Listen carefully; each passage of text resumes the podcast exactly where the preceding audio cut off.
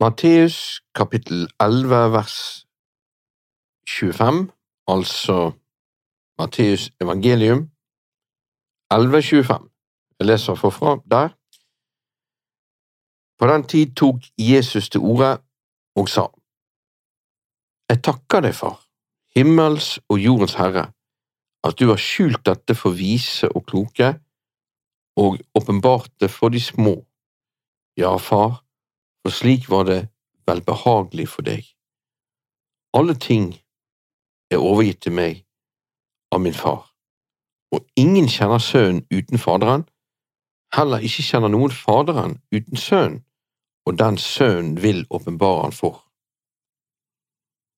Kom til meg, alle dere som strever og bærer tunge byrder, og jeg vil gi dere hvile. Ta mitt åk på dere og lær av meg, for jeg er mild og ydmyk av hjerte, og dere skal finne hvile for sjelene deres. For mitt åk er ganglig, og min byrde er lett. Ok, det var teksten. Kjære far, jeg bare takker deg for ditt ord.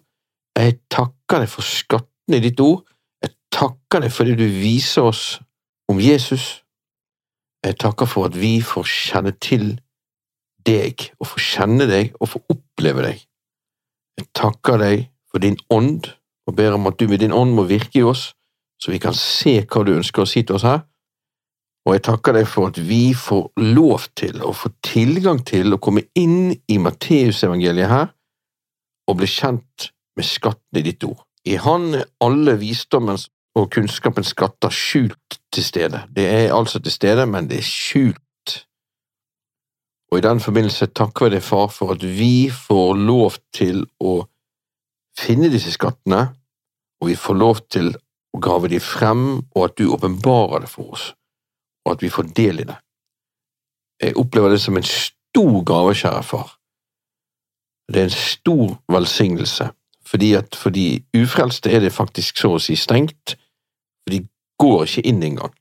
Men vi, vi har fått del i det, og vi blir forvandlet ved at sinnet vårt fornyes. Halleluja! Jeg takker for at dette ordet blir til nytte for oss, fordi det ved troen smelter sammen i hjertet til oss som hører det. Ved din nåde. I Jesu navn. Amen. Ok, på den tiden, jeg leser fra vers 25, på den tiden tok Jesus til orde og sa. Og da er det sånn, på den tiden, ja ok, hvilken tid var det? Da må vi gå over i teksten, sant, før der igjen, og vi leser vers 20 derfra. Så begynte han å refse de byene der størstedelen av de kraftige gjerningene hans hadde skjedd, fordi de ikke omvendte seg. Ved deg, Korasin, ved deg, Betzaida. For dersom de mektige gjerningene som ble gjort hos dere, hadde vært gjort i Tyros og Sidon, ville de ha omvendt seg i sekk og aske for lenge siden, men jeg sier dere at det skal bli lettere for Tyros og Sidon på dommens dag enn for dere. Og du, Kapernaum, som er opphøyet til himmelen, skal bli kastet ned til dødsriket. For dersom de mektige gjerningene som ble gjort i deg, hadde vært gjort i Sodoma, ville de blitt stående til denne dag. Men jeg sier dere at det skal bli lettere for Sodomas land på dommens dag enn for deg. Og det er jo sjokk på en måte, det han sier der. Vi vet jo det at der Sodoma lå, det er jo det som er Dødehavet i dag. Det er grop ned i fjellet, og det er jo 300-400 meter under havnivå til og med. Og det er jo tegn etter at det har vært brent i fjellet til i dag. Der lå jo Sodoma, sånn, det lå slette der før. Det var der Lotten valgte å bo, for det var fint beite der, sånn, det var sletteland der. Det er det ikke i dag. De fikk en voldsom dom over seg. Og så sier Jesus det at hadde de fått det samme, så var faktisk hjertene til de i Sodoma slik at de hadde omvendt seg, og Sodoma hadde blitt stående til i dag. Ja, men Da kan Gud virke urettferdig, da, for han lot jo den straffen komme over Sodoma. Sodoma er jo et eksempel på det verste, mest umoralske, elendige nivået menneskene kan komme. Likevel, Gud ser til hjertet, sant? og han ser at den gjengen der, de hadde faktisk omvendt seg. Og Gud er ikke urettferdig, det være langt fra han å gjøre noe urettferdig, står det. sant? Så når dommens dag kommer, det er da regnskapet blir gjort opp. Og som Bibelen sier, døm ikke noe før tiden. Så det kan se veldig tragisk ut for Sodoma og fantastisk ut for Kapernaum i denne verden, men i den kommende ser det helt annerledes ut. Og det er sånn, ja, men Kapernaum Vi vet at alle ble helbredet. Absolutt alle. De måtte jo til og med komme utenfra fra andre steder med syke, for det var ingen syke igjen i byen. Og de òg ble helbredet. Og den gjengen der som ble så mektig velsignet, fordi det var jo himmels, himmelrike tilstander på jorden, de skal altså da få det tøffere på dommens dag enn Sodoma. Det er skremmende å tenke på, for det mye i verden i dag minner jo om Sodoma, og vi kristne du kan si det Gud ser etter, det er respons. Hvilken respons ser han etter? Hvis vi da ikke har den rette responsen, vi heller, så kan det være at det er mer nåde for de ufrelste, til og med på dommens dag. For hadde de fått det samme som vi kristne har fått, så ville de faktisk kanskje omvendt seg. Jeg mener det er frelse selv om man ikke blir født Nei, jeg mener jo ikke det, sant, for det Men likevel, hva vet jeg? forstår du dommens dag? Og når han kan si dette om de, kan han kanskje si det om de andre òg? Så står det dårligere til med oss kristne, kanskje, enn hva det gjør med hedningene, når alt kommer til alt. Jeg stiller bare spørsmålet før vi går videre og stiller neste spørsmål. Ja, hvilken respons var det Jesus ville ha, da? Og så ser vi her, vers 21, og så her begynner Jesus faktisk å refse, irettesette, står det i vers 20, sant? byene der størstedelen av de kraftige gjerningene hans hadde skjedd fordi de ikke omvendte seg. Så det å bli mektig velsignet av Gud, det betyr ikke dermed for det første at du kjenner Gud, noe særlig i det hele tatt, og det betyr heller ikke at du nødvendigvis omvender deg. Og så kommer det konkret her, ved deg, Korasin, ved deg, Betzaida. Ved betyr jo la det komme dom over. For dersom de mektige gjerningene som ble gjort hos dere, hadde vært gjort i Tyrus, Tyros, Tyrus ja, og Sidon, som jo var utenfor Israel, oppe i nord, ville de ha omvendt seg i sekk og aske for lenge siden. Ja, men vent litt nå, det er det der, jo, sier jo han i samtiden, mens Tyrus og Sidon er rett ved siden av det. Da kan jo det overføres til oss i dag, da, gjerne mens hedningene er der ved siden av. Det blir jo sånn sett akkurat det samme, blir det ikke da? Og hva ville de ha gjort? Jo, de ville omvendt seg i sekk og aske. Altså, de ville ikke bare omvendt seg, men de ville gjort det i sekk og aske. Hva er sekk? Gjennom hele Bibelen er jo det omvendelse, faste, søke Gud og aske. Altså, du er ikke opptatt av komfort og makelighet, du er opptatt av Gud, og du bryr deg ikke om menneskene rundt deg. Og sekkestrie er jo ikke akkurat noe man ønsker å gå med, sant? men det å sitte med sekkestrie på, og så strødde de aske over hodet, sant? Noen ganger tok de jord og strødde over hodet. Men holder ikke det med å be om tilgivelse, da? Som du sikkert har merket, så er det mange som ber om tilgivelse og faller om igjen og ber om tilgivelse og faller om igjen, og det er en livsstil. I Norge per i dag lever jo de fleste som verdens venn mye, sant? også de kristne, sant? eller det er jo de kristne vi snakker om nå. Og hva er problemet? Jo, omvendelsen går ikke dypt nok. Men holder ikke det med å bekjenne, og så omvende seg, da? står jo det i ordspråkene at den som bekjenner sin misgjerning og vender seg bort fra den, han finner nåde. Så det holder ikke bare å bekjenne det, en må òg vende seg bort ifra det. Ja, Men ikke du tilgitt i det du bekjenner det, da?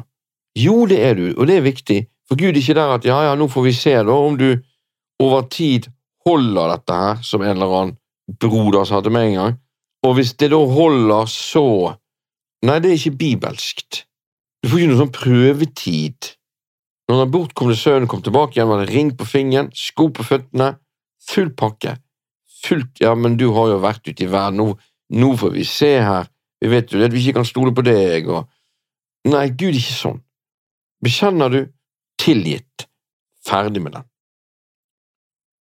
Og som tilgitt, så omvender du deg i tillegg.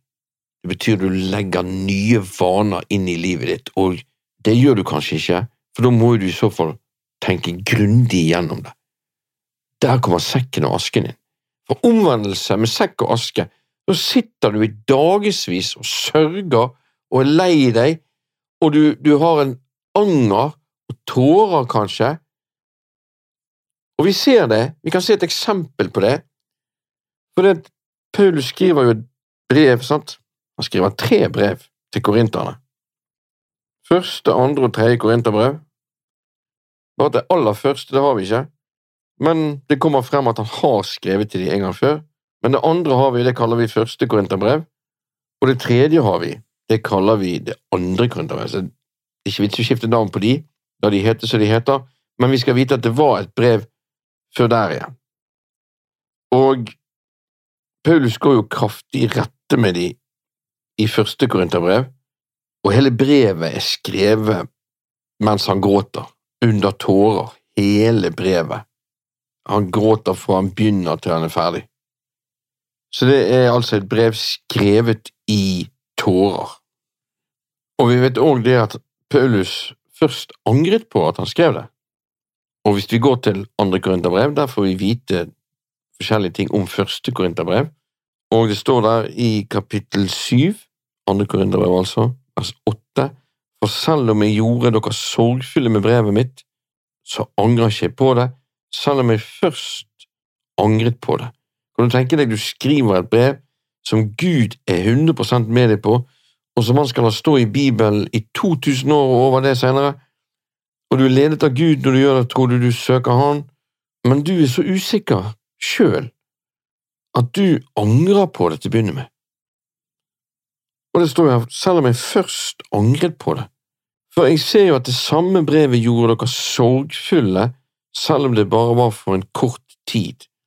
Nå gleder jeg meg ikke over at dere ble gjort sorgfulle, men at dere ble gjort sorgfulle til omvendelse, for dere ble gjort sorgfulle slik Gud ville, for at dere ikke skulle lide tap på grunn av oss i noe. For den sorg som er etter Guds vilje, virker omvendelse til frelse, og det vil en ikke angre på, men verdens sorg virker død. Og se hva nettopp dette førte til, at dere ble sorgfulle etter Guds vilje. Det ble skapt et stort alvor hos dere, ja, forsvar, ja, sinne, ja, frykt, ja, lengsel, ja, iver, ja, straff. I alle ting beviste dere at dere sjøl var rene i denne saken. Derfor, selv om jeg skrev til dere, så gjorde jeg det ikke for hans skyld som hadde gjort urett, og heller ikke på grunn av han som det var gjort urett mot, men jeg skrev for at vår omsorg for dere, for Guds ansikt, skulle bli synlig for dere. Og vi vet jo at denne mannen faktisk omvendte seg, og jeg tror de kjørte Matteus 18 på han, at de gikk i rette med han, og han ble ekskludert, og han omvendte seg. Så Gud kan gjøre deg sorgfull, da det er sunt for deg. De blir gjort sorgfulle til omvendelse, men da må vi tillate Gud å gjøre oss sorgfulle til omvendelse istedenfor å stikke av fra sorg som har med synd å gjøre. sånn. Dere blir gjort sorgfulle slik Gud ville. Så det kan være Gud vil sorg. Den sorg som er etter Guds vilje, virker omvendelse til frelse. Ja, amen.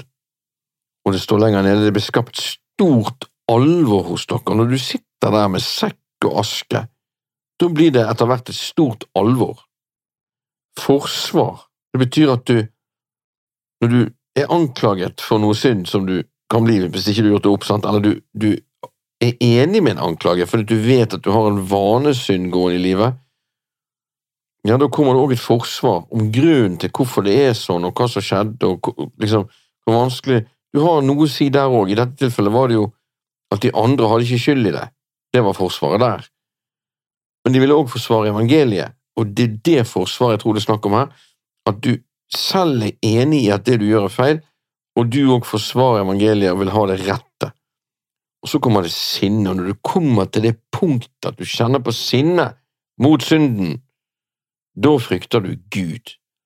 Frykte Herren er å hate det onde, står det i Jeg tror det er Predikeren, eller så er det ordspråkene, men det står nå i hvert fall der. Fordi så lenge du lefler med det onde, og godtar det onde, og tar det sånn cirka, ja, det er noe kjipt, men Men når du kommer til det punktet at du hater det, da Altså, egentlig bør du sitte der med sekk og aske til du hater det. Ja, frykt, det er jo Guds frykt. Du er redd for å gå feil, du er redd for å gå imot Gud på noe, sant? Gjøre noe som han ikke liker. Lengsel, ja, du vil inn i det som Gud vil du skal inn i, nemlig tettere til Jesus. sant? Iver, du har kanskje blitt lunken, mistet lengsel, du har ikke hunger kanskje, og du ivrer ikke lenger heller. Ja, straff, altså konsekvens. Når vi snakker om disse ting, da snakker vi om frykt som er omvendelsen verdig, altså som er i tråd til at man vandrer verdig til det kall en er kalt med, det høye kall en er kalt med i Kristus Jesus. sant?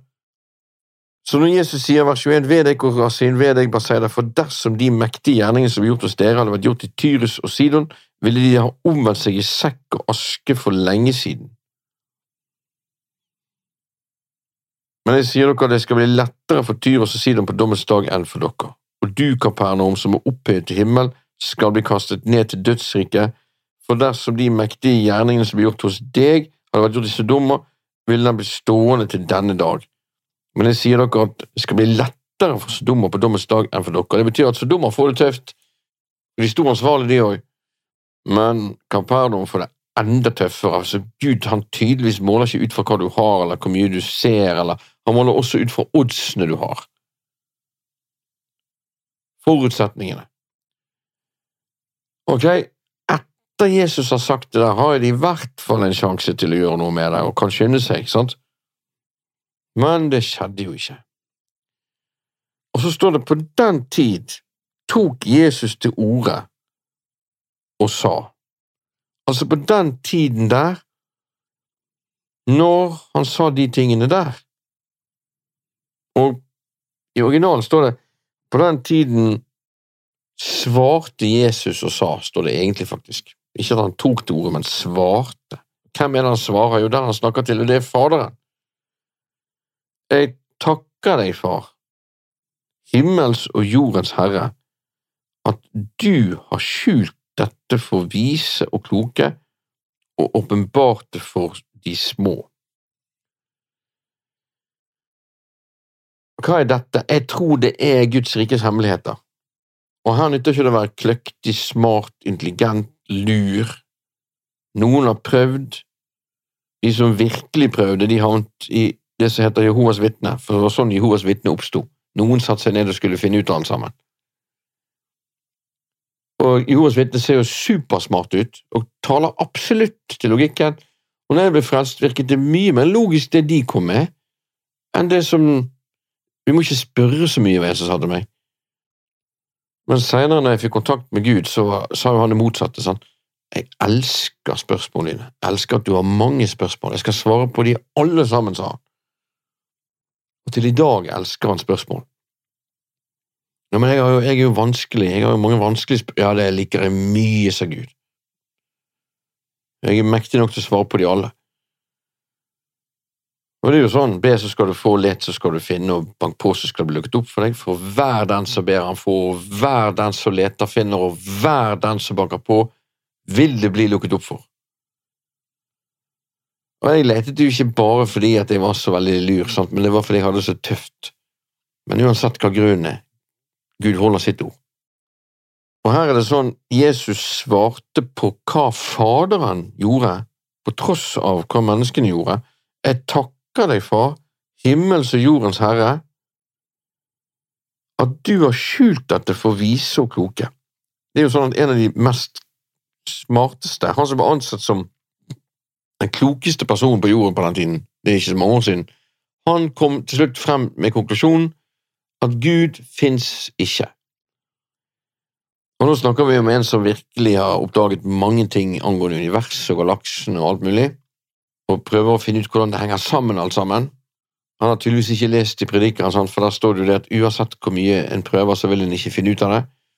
Og om et menneske sier at han skal nå klare det, så er han likevel ikke i stand til det. Men greit, de kan finne ut mange ting, det kan de. Og denne her mannen her, han ble ansett som den klokeste på jorden. Og han kom frem, sto i nyhetene og alt.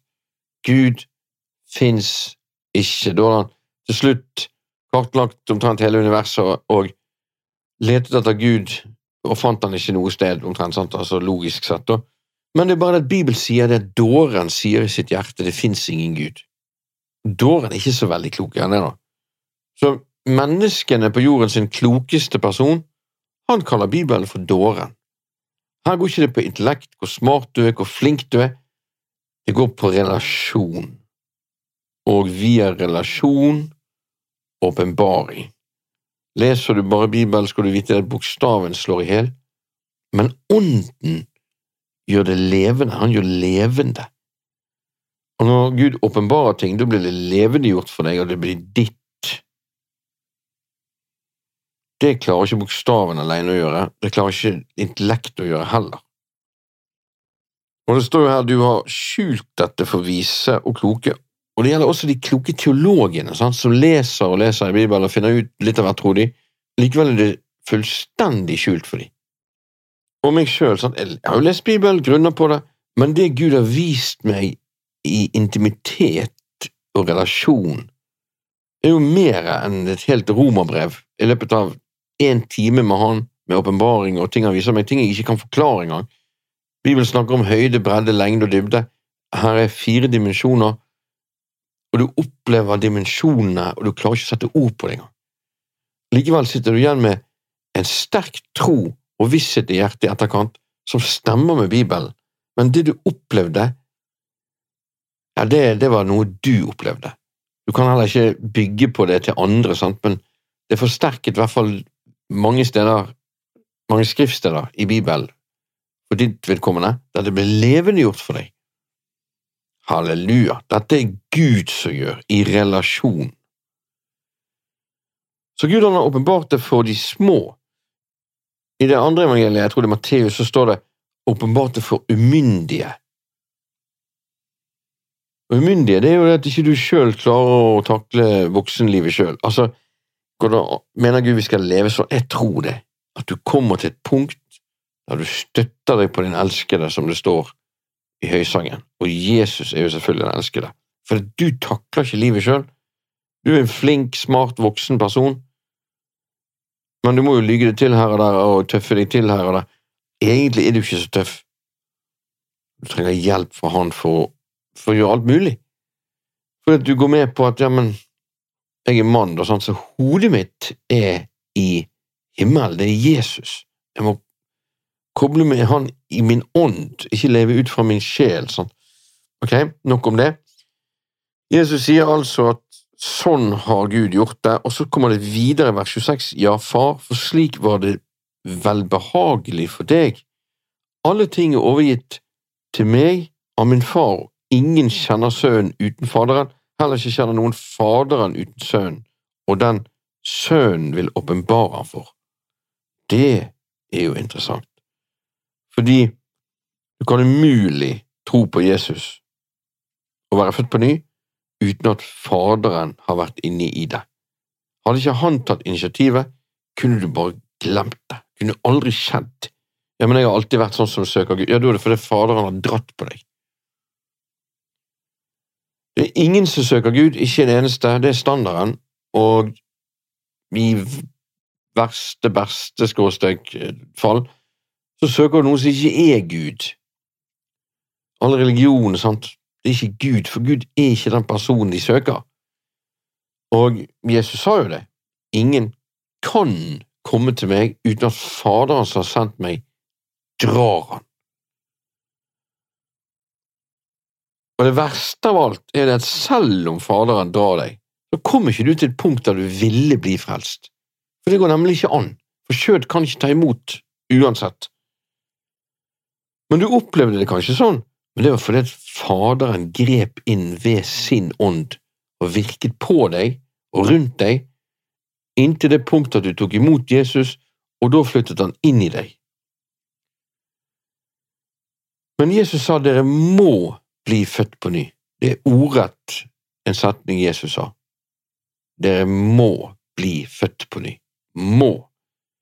Altså Om det landet har en tradisjon om at hvis du går under en bro-bro-brillegreie, så er det nok for Gud, eller at du tar vann på hodet på babyen når babyen er liten, eller du står innskrevet i en statlig kirke, eller Det spiller ingen rolle. Det var ikke det Jesus sa. Han sa dere må bli født på ny. Og det står jo det i Johannes kapittel 1, og det jeg siterte først, står jo i Johannes kapittel 3. Men i Johannes 1 så mange som tok imot han, de ga han retten, vi kan si rettigheten, til å bli Guds barn, de som tror på hans navn. De er født ikke av blod, ikke av kjønnsvilje, ikke av mannsvilje, men av Gud. Altså, det går dypere enn genet, til og med. Så mange som tok imot han, og det ordet står På gresk har du aktiv, passiv og medium, men der er det ordet i aktiv. Du, du tar imot. Er noe du aktivt gjør. Og hvordan gjør man Ja, det står i Romane 10, sant? der står det hvordan man gjør det. Hver den som påkaller Herrens navn. Først så står det med hjertet troen til rettferdighet, sant? og med munnen bekjenner en til frelse. Hvis du i ditt hjerte tror at Jesus er Guds sønn, og at Gud oppreiste ham fra de døde, og med munnen, står det Og så står det lenger nede for hver den som påkaller Herrens navn, skal bli frelst. Det er akkurat som du signerer det overfor Gud, overfor åndeverden, overfor deg sjøl, overfor de rundt deg, og så er, med din munn, og sier Jesus jeg tror du er Guds sønn, og jeg ber deg komme inn i mitt hjerte. Sant? Da blir du født på ny. Da er du ekte. Dette er helt umulig uten Faderen.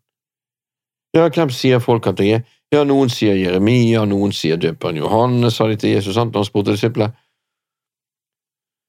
Noen sier ja, men dere, da, hvem sier dere at jeg er? Du er Messias, den levende Guds sønn, sa Peter? Og Jesus sa til han, salig du, Simon, sønn av Jonah, for dette har ikke mennesket åpenbart for deg, men min far som er i himmel. Altså, den åpenbaringen kan ingen sitte med uten inngripen fra Faderen. Det er umulig! Det er sterkere enn tyngdeloven, til og med. Altså, Tyngdeloven er at du slipper noe det faller ned, greit, men du kan ikke gå imot det. Du kan ikke sjøl dikte opp at du tilhører Jesus eller tror på Han, eller Det er umulig.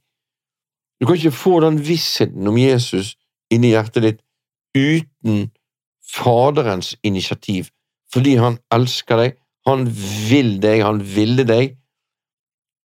Og hvis du tror på han enda, ja, han har ikke skiftet mening. Han er for deg, det er hans verk at dere er i Kristus Jesus, sa Gud til korinterne og til alle, sa Paulus, men jeg til korinterne, og Gud sa det gjennom Paulus. Det er altså Guds sitt verk at du er i Kristus Jesus. Ingen, sier Jesus her i teksten, ingen kjenner Sønnen uten Faderen. Amen. Heller ikke kjenner noen Faderen uten Sønnen, og den Sønnen vil åpenbare ham for. Oi, det står ikke over der. Det står ikke ingen kjenner Sønnen uten Faderen, og den Faderen vil åpenbare for. Det står ikke Det står bare uten Faderen. Det er grunnen til det er veldig enkelt, for Faderen vil egentlig åpenbare Sønnen for absolutt alle menneskene på jorden. Ja, men vil ikke Sønnen åpenbare Faderen for Nei, der er et skille. Heller ikke kjenner noen Faderen ut Sønnen, og den Sønnen vil åpenbare for, og det er ikke sikkert Sønnen vil. Når jeg var frelst til å begynne med, jeg var trygg på Jesus, og jeg hadde en relasjon med han, men faderen var litt skummel, han var litt redd, han virket streng. Jeg holdt meg litt på avstand.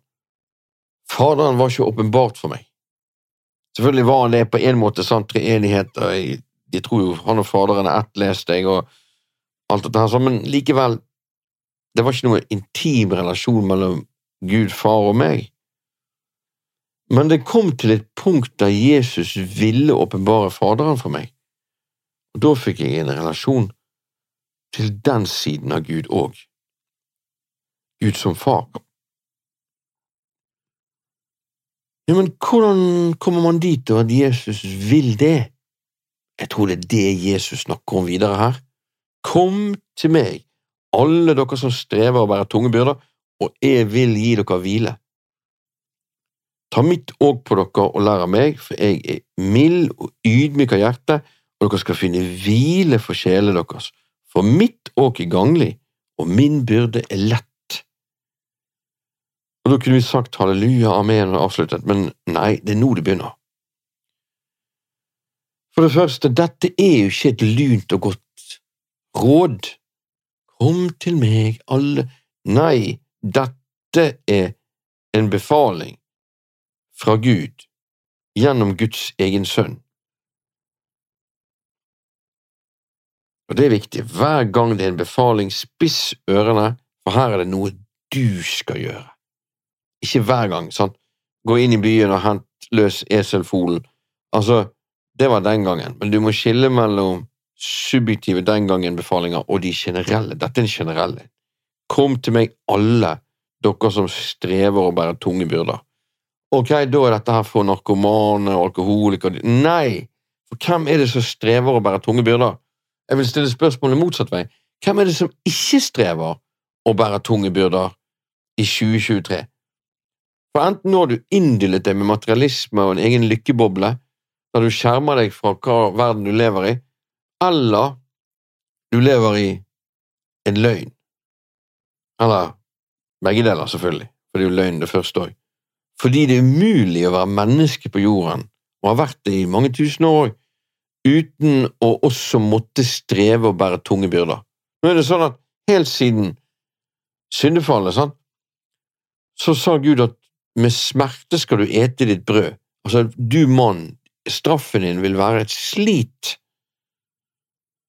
Og fra den dagen av så strever alle mennesker og bærer tunge byrder. Ja, det kan godt være du har det fint for tiden og alt dette her, men dette gjelder alle mennesker, tror jeg. Og jo mer ærlig du er med deg sjøl, jo mer gjenkjenner du at det gjelder deg. Og jeg vil gi dere hvile. Ja, kom til Jesus og få hvile. Ja, amen, enig. Men det er bare det at du må gjerne komme igjen og igjen. Og noen vil jo stille spørsmålet hvordan kommer vi til han, da? Hvor er han henne? Ja, han er jo allesteds nærværende, det er jo det første, og du henvender deg i tro i hjertet ditt. Altså er det ingen forskjell på den som banket på Jesus sin dør og kom om natten. Vi vet jo om en som gjorde det, han het Nikodemus. Men han kom likevel ikke til Jesus så mye som du kan gjøre det, ut fra den episoden der, i hvert fall. Fordi at han kommer jo ikke med tro. Altså, mester, Vi vet at du er en lærer sendt fra Gud, for ingen kan gjøre de gjerninger du gjør uten at Gud er med han. Det er jo en helt annen kategori enn det vi har. Vi har jo at han er Messias. Altså, Nikodemus kunne banket på døren, lagt seg paddeflat, som er det å tilbe, og sagt Messias, vis meg miskunn. Og hva hadde da Jesus gjort? sant? Det kan du gjøre, for det handler ikke om det ytre likevel, det handler om troen. Og Troen kan være sterk selv om du ikke ser personen med de fysiske øynene. Han kan til og med være supersvak selv om du til og med tar på personen. Så det er helt likt. Du henvender deg selvfølgelig i bønn, og du venter til du merker Jesus. Hva skjer du for å hvile? Amen. Fantastisk. Men det er bare det at Jesus ikke er ferdig her. Han har tre befalinger her. Du kan ikke stoppe etter den første, for da har du misforstått. Ta mitt åk på dere, og lær av meg. Og Da er det viktig at et åk er ikke denne der med en stokk over skuldrene med to bøtter i, selv om det blir kalt åk, det òg. Men åk i Bibelen er alltid det samme. Det er det som oksene går med to og to. Man brukte oksene mye på den tiden i jordbruk, og de hadde sånn tregreie over skuldrene og sånn, og så var festet med tau og så videre, og så trakk oksene en plog. Så de målte ikke det i hestekrefter på den tiden så mye, det var mest oksekrefter, for å si det på den måten. Og det er et åk. Og der var det to okser som var vant til å gå og var lydig. Det var ikke noe sånn villokse. Disse hadde gjerne ring i nesen, disse var for lengst blitt tamme og for lengst lært seg hva dette handler om, så det var ingen plutselig ditt eller plutselig datt. Nei, oksen gikk jevnt og trutt og måtte gjøre det hver dag og jobbe. Fikk fri en dag i uken, sabbaten. Men la oss si at den ene oksen døde, da, og du måtte ha inn en annen okse. Det var alltid nye okser som også kom inn under opplæring. sant? Hva skulle du da gjøre? Denne oksen her skjønte jo ikke noe av hva det handlet om. Selv om man har sett de andre, så vil den selvfølgelig ikke naturlig gå i et jevnt tempo der og pløye. Og kanskje den ene ikke hadde dødd, men vi trengte opplæring til en ny en. Ja, tok du den ene av de erfarne vekk, tok du inn den nye, og satt han i åk sammen med den erfarne, sånn at når den nye da ville løpe til venstre, så var det bare glemmesak, fordi at den erfarne fortsatte jevnt og trutt å gå rett frem. Og den erfarne var som oftest større litt og sterkere òg, så denne unge kom ingen vei, og nå ville han løpe fremover, det kunne han også bare glemme. Nei, jeg måtte bare følge på det som skjedde, her går det sin gang, og sånn her er det det fungerer. Men så går jo den unge lei av dette, her gidder ikke jeg, og stopper, men det hjelper ikke, her går det fremover likevel, for den, den erfarne oksen, den fortsetter å gå løypen, den, sånn som man skal. Og det er det Jesus sier, ta mitt åk, det betyr gå i åk sammen med Jesus. Det er en forskjell her, for at oksen han valgte jo ikke å ta noe åk på seg, det var menneskene som tok det på han. Ja, men Har ikke Gud gjort det med oss da når vi ble født på ny? Nei. Han føder deg på ny, men så må du gjøre noe i respons. Du må ta åket hans på deg, det er noe du frivillig må gå med på. Ja, men hva går dette åket ut på, da? Vel, det er i hvert fall tre ting. Vi vet at Jesus han levde i bønn med Faderen, så det er jo det ene. Vi vet at Jesus han var jo Guds ord og talte Guds ord, og handlet slik som Guds ord sier, og det blir samme malen for deg òg. Matteus, Markus, Lukas og Johannes, som noe du skal leve, ikke lære, men leve. Da både lærer du det og lever det. sånn. Og der er det mange leksjoner, så hvis det kommer en eller annen og spør deg om å få låne noe penger, så vet du nøyaktig hva du skal gjøre, fordi du har gått agentskolen her med Jesus, du er trent opp med han, og du handler deretter. Ja, men hva, hva, hva skal vi gjøre når noen spør om å låne penger, da?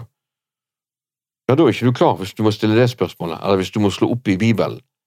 Er du trent, vet du hva du gjør. Jesus sa lån ut uten å vente å få noe igjen. Så du låner ut. Selvfølgelig ut fra hva du har, sant? for Bibelen sier lån ut, gi ut fra hva du har, ikke det du ikke har. Du tar ikke opp lån for å låne, for å si det sånn.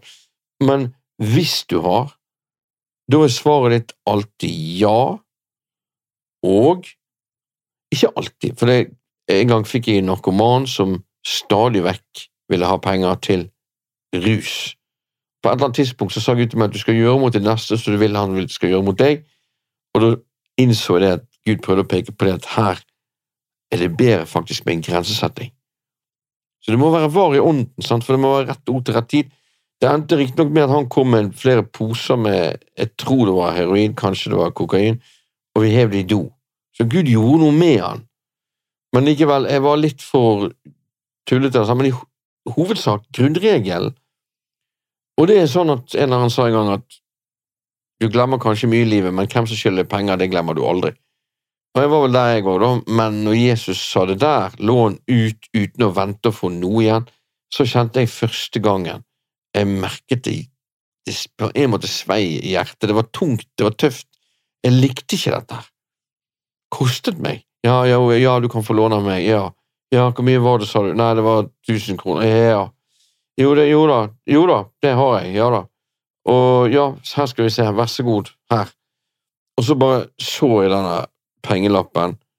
Kan, jeg husker ikke om det var 1000, kanskje det var 500, eller hva det var, jeg husker ikke, men jeg bare husker jeg så den som at den forsvant for alltid. For det var sånn jeg var nødt til å tenke da. Og så unne den personen dette for alltid. Det kostet, merket jeg. Og andre gangen kostet det òg. Tredje gangen litt mindre. Fjerde gangen enda mindre. Femte gangen helt greit. Og neste gangene folk ringer meg, du, jeg skylder jo deg penger. Å, å ja, gjør du det, ja? Ja, eh, hvor mye var det, da? Nei, det var jo sånn, ja, ja, ja, kan jeg komme og levere? Ja da, det kan du. Og jeg sier alltid ja til det, sant? Det er ikke det at jeg ikke tar imot det. For Jesus har jo lån ut uten å vente å få noe igjen. Det betyr ikke at ikke du får noe igjen, og skal ta imot det. sånn. Og det har litt respekt for den personen gjøre òg. Hvis jeg nei, nei, nei, bare behold altså Da kan det være at han føler seg ned, At det er nedlatende. sant? At ikke jeg respekterer hans integritet. Han vil holde ord, han vil betale tilbake. Ja, tusen takk for det, og halleluja, broder. Sånn. Det har noe med det å gjøre. Men det er ett punkt av disippeltreningsskole, eller agentskole, som jeg av og til kaller til Jesus. Den må sitte. Skal jeg kunne brukes noe særlig av Gud? Og vi har flere andre leksjoner. Vi har jo en som heter Vekk opp de døde. Men du begynner ikke der, så du begynner med det som Matteus begynner med, du begynner med det som Markus, og du leser det sånn som det står for å handle på det, slik at det ord du hører, blir til nytte for deg, for det blir ved troen smeltet sammen i hjertet til deg som hører det. Og du blir faktisk forvandlet ved at sinnet ditt fornyer. Sånn. Amen. Så det er noe du frivillig går med på. Del én der er jo å leve mye i bønn med Gud og kontakt med Han. To, det er ordet. Og tre, det er altså da å handle på ordet. Da har du et åk med Jesus. Du vil være nødt til å lære av han og få hjelp fra han Heldigvis, han lever jo til og med i deg, så det klarer han å gjøre. Han er jo dyktig på det der. Og lærer meg. Altså, det at du tar åket på deg, betyr jo ikke at du nødvendigvis lærer av ham. Det kan være du streiker hele veien. Men Jesus sa 'kom til meg'. Neste, når du da er kommet til han, ta åket på deg og lær av meg. Ja, dette høres jo vanskelig ut, det høres helt umulig ut. Nei, for jeg er mild og ydmyk av hjerte. Han er altså ikke hard, han behandler ikke deg hardt. Han er mild. Den du skal gå i åk med, du er heldig, du, for det er han du skal gå i åk med, åh, han er både mild og ydmyk av hjerte. Du er heldig som har fått han. Vi alle har fått han. Mild og ydmyk av hjerte er læreren din blitt, han som skal trene deg opp her. Og dere skal finne hvile for sjelene deres Oi, oi, oi, oi, oi. For jeg Kom til han, sant, og du opplever han vil gi deg hvile, men her går det dypere, og jeg vil påstå helt i bunn, for da får du hvile for sjelen din. Det betyr hvile fra deg selv. Det betyr troens hvile, snakker vi om her. Her snakker vi om at du er ferdig med deg og ditt. Du får hvile fra dine tanker, din vilje, og du får hvile fra dine følelser, ditt følelsesliv. Ja, men jeg liker jo tankene mine og viljen mine, og jeg vil jo beholde det. Men du vil ikke det, fordi at når du går med Gud, og du kobler med Han, for den som holder seg til Herren, er én ånd med Han, og hva skjer? Jo, du får Hans tanker, du får Hans vilje, og du kjenner Hans følelser for situasjonen.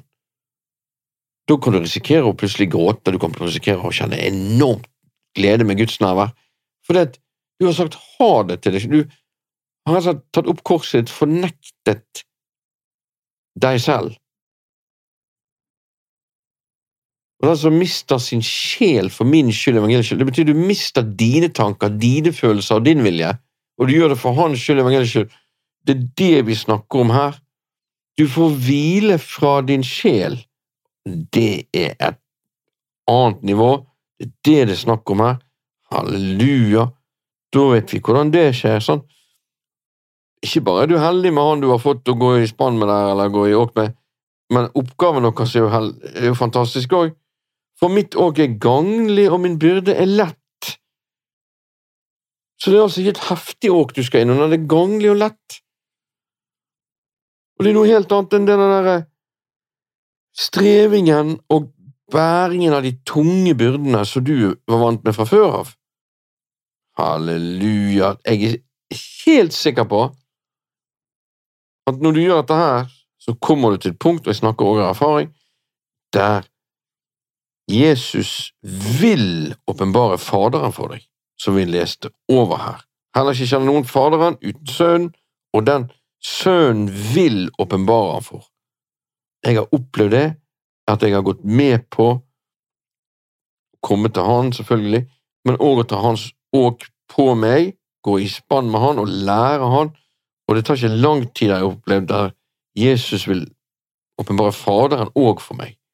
Når du får den dimensjonen, at du får relasjon relasjon med Helligånden, det er det er viktigste du har? Og, og så opplever du Jesus' relasjon men så kommer den dimensjonen, relasjon med far.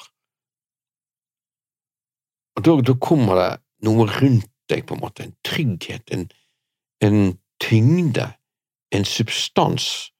Eh, jeg skal ikke si at ikke det kommer noe høyst spesielt når du er med Jesus, for det gjør det. Og høyst spesielt når du er med Helligånd, Men da kan så de utfyller hverandre det er akkurat som du trenger alle tre, for alle tre er Han. Alle tre er én, alle tre er Gud.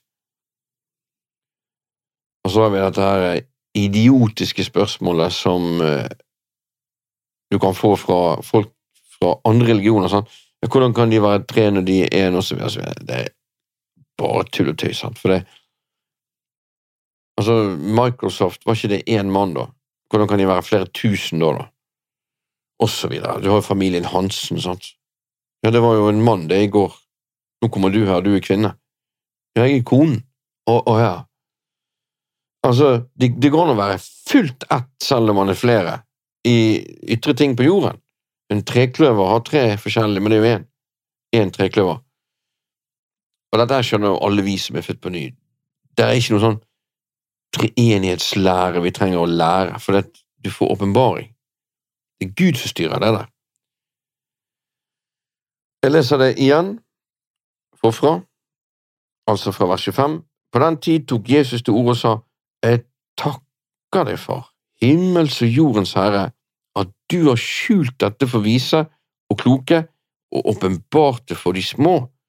Ja, far, for slik var det vel behagelig for deg alle ting er overgitt til meg av min far, og ingen kjenner Sønnen uten Faderen, heller ikke kjenner noen Faderen uten Sønnen, og den Sønnen vil åpenbare ham for. Kom til meg, alle dere som strever og bærer tunge byrder, og jeg vil gi dere hvile.